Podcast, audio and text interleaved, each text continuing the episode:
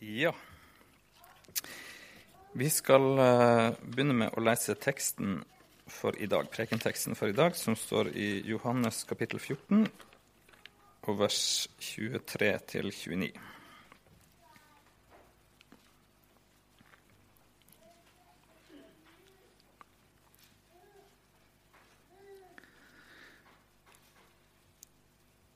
Jesus svarte og sa til ham:" Om noen elsker meg, da holder han fast på mitt ord. Og min far skal elske ham, og vi skal komme til ham og ta bolig hos ham. Den som ikke elsker meg, holder ikke fast på mine ord. Det ordet som dere hører, er ikke mitt, men Faderens, Han som har sendt meg. Dette har jeg talt til dere mens jeg ennå er hos dere.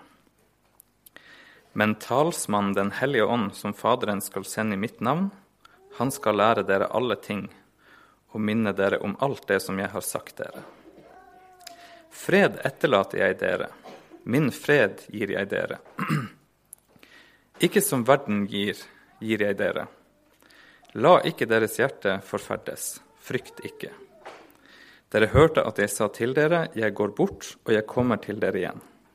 Dersom dere elsket meg, vil dere glede dere over at jeg går til Faderen, for min far er større enn jeg. Og nå har jeg sagt dere dette før det skjer, for at dere skal tro det når det skjer. Amen.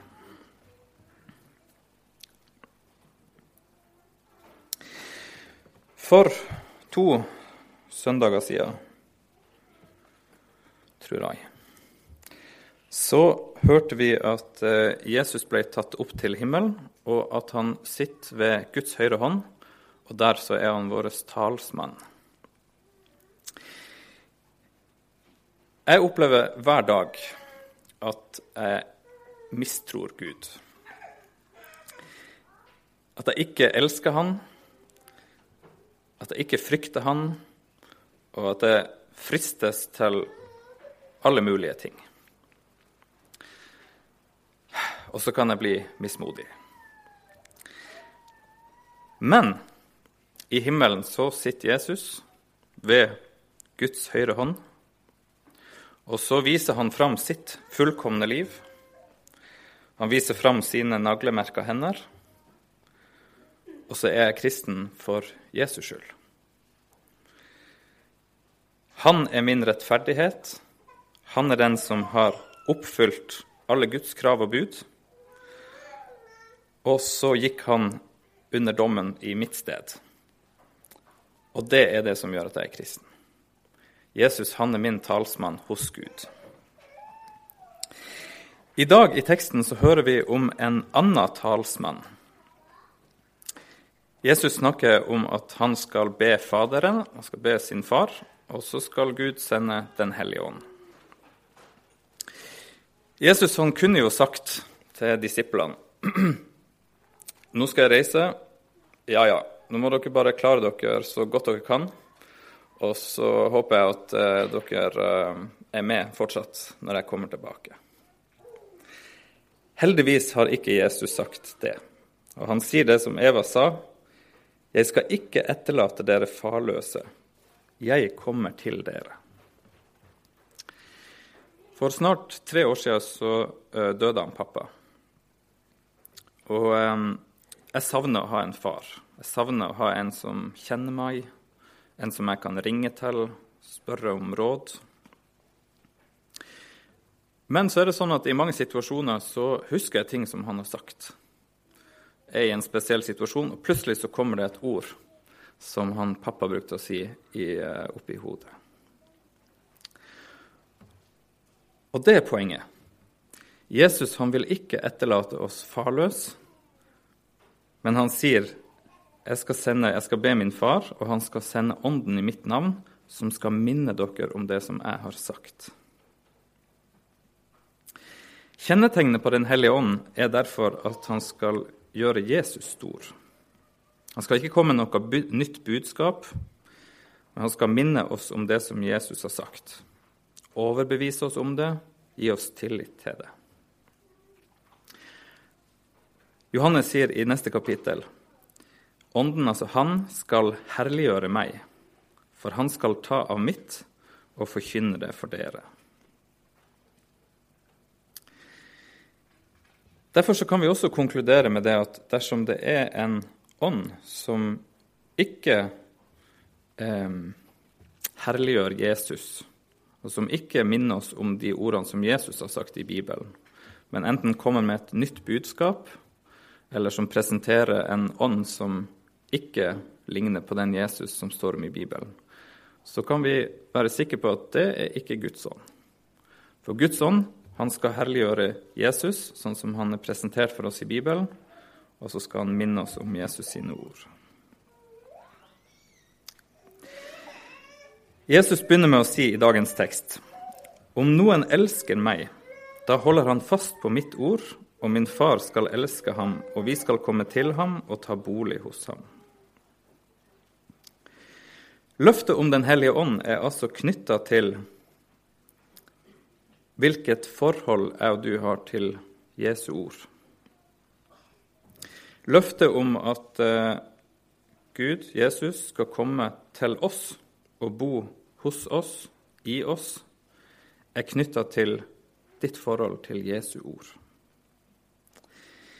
Jesus sier det mange ganger. Han sier det i vers 15. Dersom dere elsker meg, da holder dere fast på mine bud. Og jeg vil be Faderen, og han skal gi dere en annen talsmann for at han skal være hos dere for alltid. I eh, sitt første brev, Johannes' første brev, så utdyper Johannes det. Så sier han sånn i kapittel 3, vers 24, 23 og 24. Og dette er hans bud, at vi skal tro på Hans Sønns Jesu Kristi navn og elske hverandre slik han bød oss. Den som holder fast på Hans bud, blir i ham og han i ham. Og på dette kjenner vi at han blir i oss, av den ånd som han ga oss.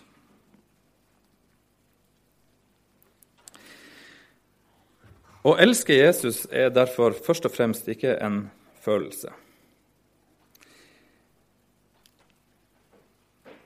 Det er å holde fast på hans ord. Det er mange som mener at eh, Jesus var en fornuftig mann. En eh, vis mann, en stor filosof. Og det var det også på Jesu tid.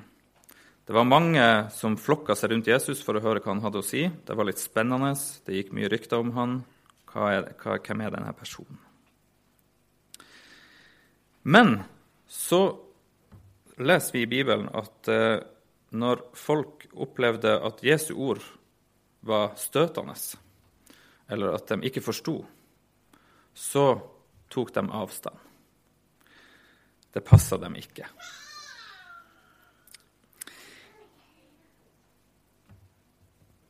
En gang så holdt Jesus en tale, og så sa han blant annet Jeg er det levende brødet som er kommet ned fra himmelen.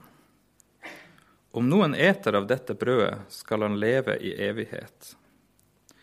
Og det brødet som jeg vil gi, er mitt kjød, som jeg vil gi for verdens liv. Disiplene opplevde trolig dette som veldig støtende. For de sier til Jesus, 'Dette er harde ord. Hvem kan høre dem?' Og så svarer Jesus, 'Det er Ånden som gjør levende. Kjødet gagner ikke noe.' De ord jeg har talt til dere, er ånd og liv.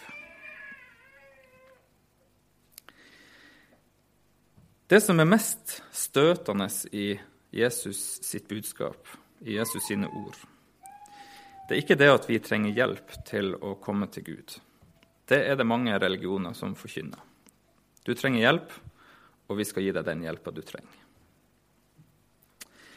Det anstøtelige i Jesu ord, det er det at jeg har ikke noe materiale i meg sjøl til å være Gud til behag. Jeg har ikke noe materiale til meg selv, i meg sjøl til å komme til Gud, til å tro på Han, til å frykte Han, til å elske Han, til å holde meg unna synder. Ingenting. Jeg trenger ikke et uh, støttehjul. Jeg trenger hele sykkelen. Jeg trenger alt.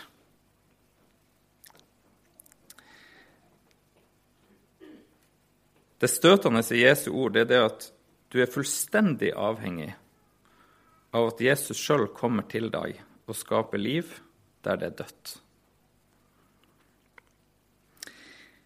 I stad så eh, bekjente vi troa, og, og, Luther han har, sier sånn i forklaringa si til tredje trosartikkel. Jeg tror at jeg ikke av egen fornuft eller kraft kan tro på Jesus Kristus eller komme til Han, min Herre. Men Den hellige ånd har kalt meg ved evangeliet, opplyst meg med sine gaver, helliggjort meg og holdt meg fast i den sanne tro.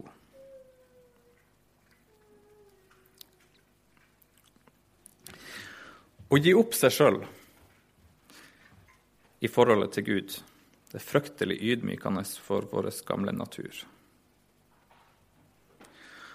Og Det er også akkurat grunnen til at mange ikke får del i Åndens nye liv. Eh, når jeg gikk på universitetet, så eh, pleide jeg å klatre i en sånn klatrehall der. Og Da eh, har man på seg en sele, og så er det et tau som er festa opp i en krok helt øverst på klatreveggen. Og så står det en annen person og sikrer. Og så begynner du å klatre oppover, og mens du klatrer oppover, så strammer den personen ned det tauet, sånn at det skal være sikkert. En av de første gangene jeg klatra i klatreveggen, så eh, kom jeg ca. halvveis, og så kjente jeg at nå klarer jeg ikke mer. Nå har jeg ikke mer krefter i fingrene, og så ble jeg livredd. Og jeg klorte meg fast alt jeg hadde i klatreveggen. Og jeg så ned, så det var fire-fem meter ned. Nå dundrer jeg i bakken, tenker jeg. Og så slapp jeg. Og hva skjedde da? Hva skjedde da? Jeg falt ikke, fordi at det var en annen som holdt. Og det er poenget. Jesus hold. Jesus hold. Slutt å klore deg fast i din egen kristendom eller din egen fromhet. Slipp taket. Stol på at Jesus holder.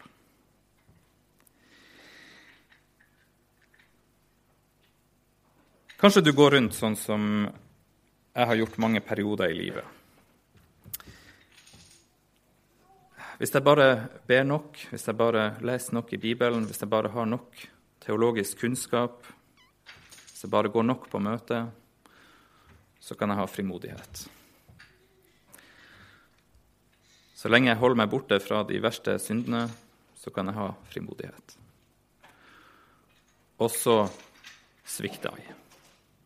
Så orker jeg ikke så fristes jeg, og så faller jeg, og så er frimodigheten borte. Nei, Ånden kommer når du slipper taket i deg sjøl. Når du henger og dingler der i Guds nåde alene, for Jesus skyld alene. Slipp taket i deg sjøl. Stol på at Jesus holder.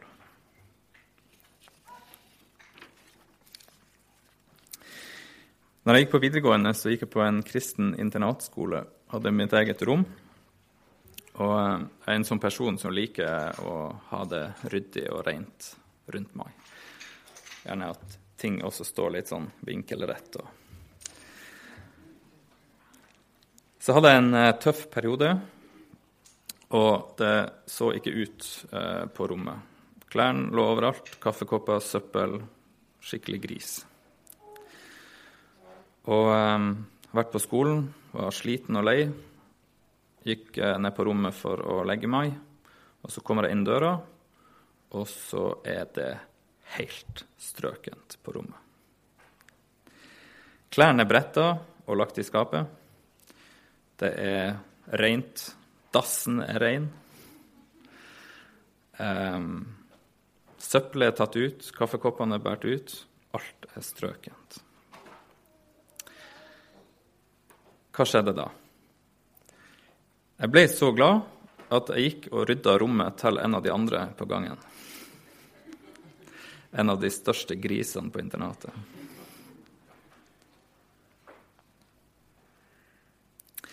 Jesus han har allerede gjort deg rein. Han har allerede rydda ditt rom.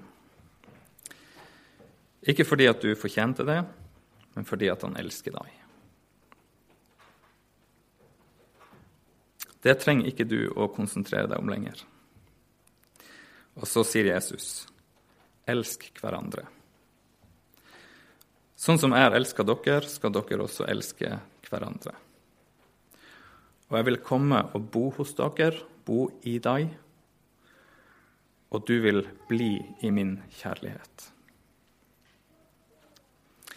Det står flere plasser i Bibelen at Jesus han fikk inderlig medynk med mennesker han møtte.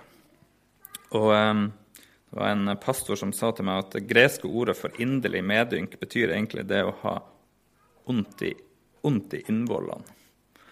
Har du noen gang hatt sånn medynk for noen at du har hatt ondt i innvollene? Det hadde Jesus. Han fikk ondt i seg av andre sin nød. Og med en sånn kjærlighet så elsker Jesus oss, menneskene rundt seg. Men så er det sånn at Jesus han er ikke bare vårt forbilde. Jesus han vil komme og bo i deg og leve sitt liv igjennom deg. Derfor sier Paulus sånn.: Jeg lever ikke lenger selv, men Kristus lever i meg. Det livet jeg nå lever i kjødet, det lever jeg i troen på Guds sønn, Han som elsket meg og ga seg selv for meg. Og En annen plass så sier Paulus sånn.: Og håpet gjør ikke til skamme. For Guds kjærlighet er utøst i våre hjerter ved Den hellige ånd som er oss gitt.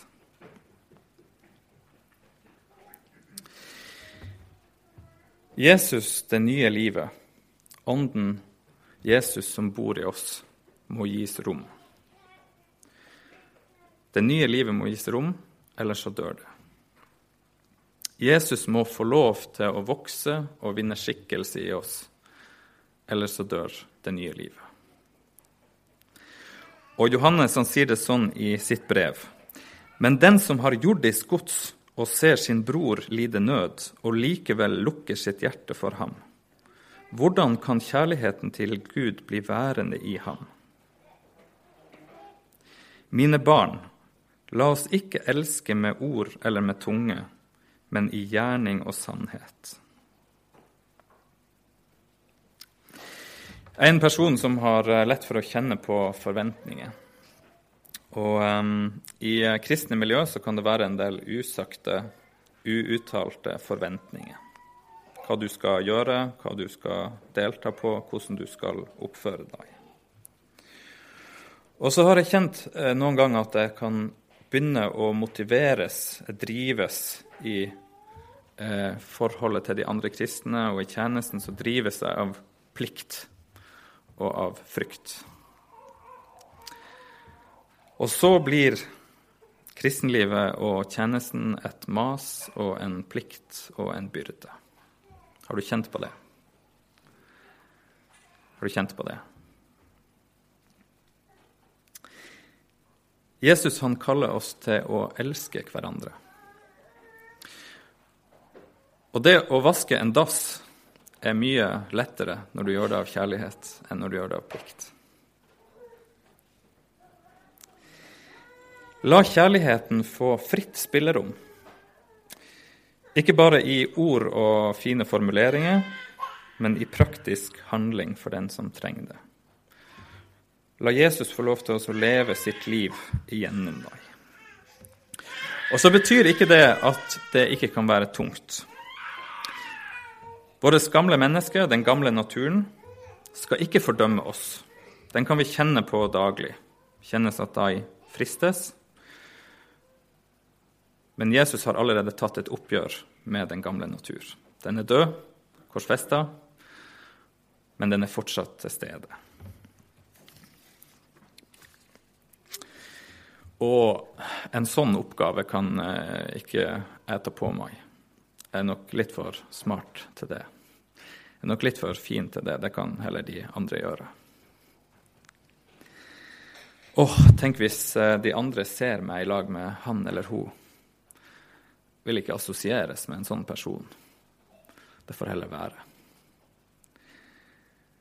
Nei, jeg tror jeg blir hjemme og ser på TV istedenfor å gå på dugnad. De andre klarer seg sjøl. Kjenner du igjen tanken?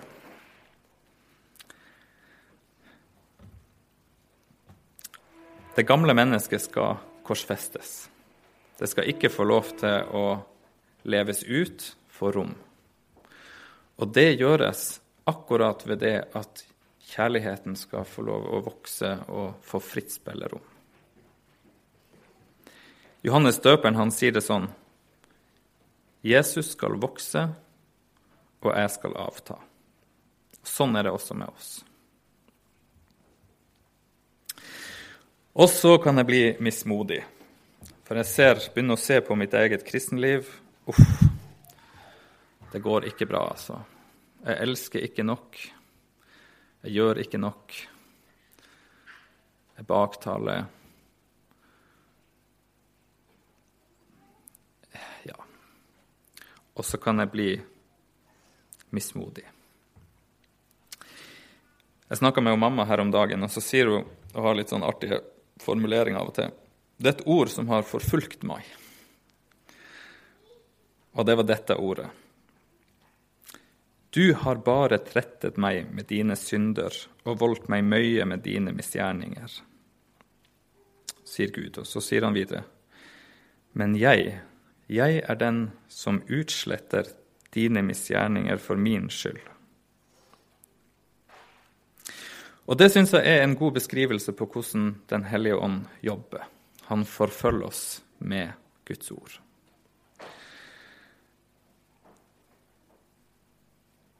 Han er talsmann ikke hos Gud, men han er talsmann hos deg, som trøster deg, som formaner deg, peker på ting i livet ditt som du må gjøre opp, mennesker som du må ta et oppgjør med, og som løfter blikket ditt oppover mot Han som sitter ved Guds høyre side, og som er din talsmann i himmelen. Han som har gjort deg ren og hellig, ikke på grunn av noe av det du har gjort, men alene. Og det gjør Ånden ikke først og fremst ved å gi deg en god og varm følelse, men ved å peke på Jesus sitt ord, peke på Jesus sine løfter, knytte deg til det som han har sagt. Vi elsker fordi han elsket oss først og ga sin sønn til soning for våre synder. Og det vil Jesus at vi skal gjøre. Og det minner han oss om. Løft blikket. Ikke se på ditt eget liv. Ikke klor deg fast til din egen kristendom. Vend blikket oppover mot Han, Jesus, som er din kristendom. Har du fred i hjertet? Det er mye som kan gi ufred i hjertet her på jorda. Sykdom, og angst og depresjon, vanskelige relasjoner til andre mennesker, usikkerhet om framtida. Kjenner du på det? Jesus han sier til deg, Fred etterlater jeg dere, min fred gir jeg dere. Ikke som verden gir, gir jeg dere. La ikke deres hjerte forferdes, og frykt ikke. Hva er den freden som verden gir? Det er den freden som bygger på omstendigheten til enhver tid. Vi har fred i Norge, men det kan godt bli krig. Du er kanskje frisk eh, nå, men du kan godt bli syk. Du har kanskje penger og jobb nå, men det kan du godt miste. Omstendighetene skifter plutselig, og så er det ikke fred i hjertet mer. Men den freden som Jesus gir, den er ikke bygd på omstendighetene. Det er en fred som er i himmelen. Det er en fred som bygger på det at Jesus han har gjort alt. Han har gjort alt ferdig. Han har vaska ditt rom. Alt mellom deg og Gud er oppgjort. Ingenting som står tilbake. I himmelen er det alltid fred.